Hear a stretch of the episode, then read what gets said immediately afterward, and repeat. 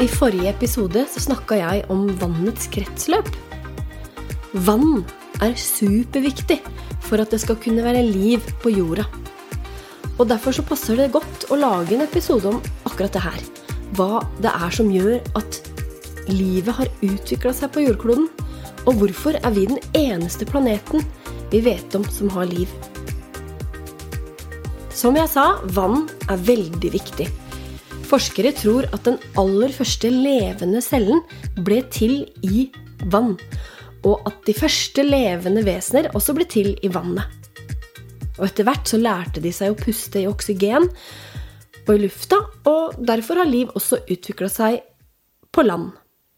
Så akkurat her på jordkloden så er vi altså avhengig av oksygen for at det skal være liv. Når forskere leiter etter liv på andre planeter, så ser de etter vann.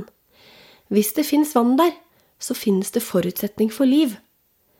Men det er jo ikke nok at det fins vann. Det er viktig at det er flytende vann, altså ikke is. Det er nemlig svært lite som kan overleve i ekstrem kulde.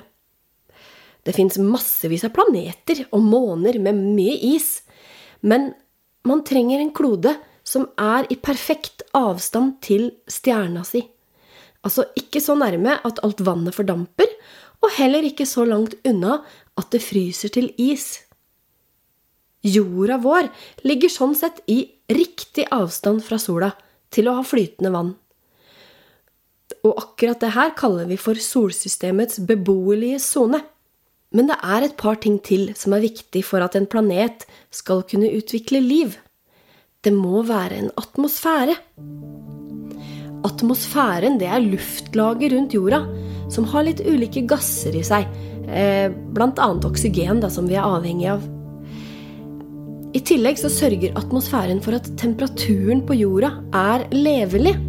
Hvis vi sammenligner med eh, Merkur, f.eks., som ikke har atmosfære, der blir det 400 grader om dagen.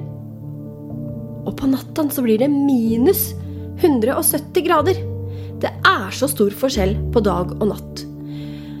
Men hvis man har en atmosfære, så fungerer det nesten som klær. Atmosfæren hjelper jorda å holde på varmen, selv om det blir kaldt på natta. Det siste jeg må nevne, det er at jorda har et magnetfelt rundt seg. Det er det ikke alle planeter som har. Eh, magnetfeltet beskytter oss mot farlig stråling. Sola sender nemlig ut solstormer eller solvinder som kunne blåst bort hele atmosfæren og tatt eh, alt liv. Men pga. magnetfeltet vi har rundt jorda, så ledes liksom solstormene forbi rundt jordkloden og fyker forbi. Har du noen gang sett nordlys? Det er nettopp en sånn solstorm på vei forbi Nordpolen.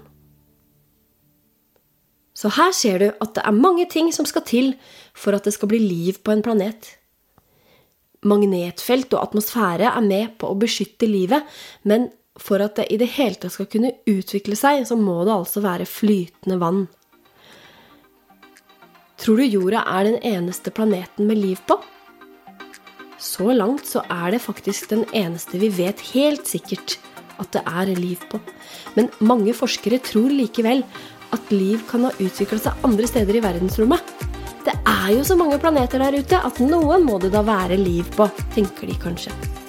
Men foreløpig så har de ikke funnet noen.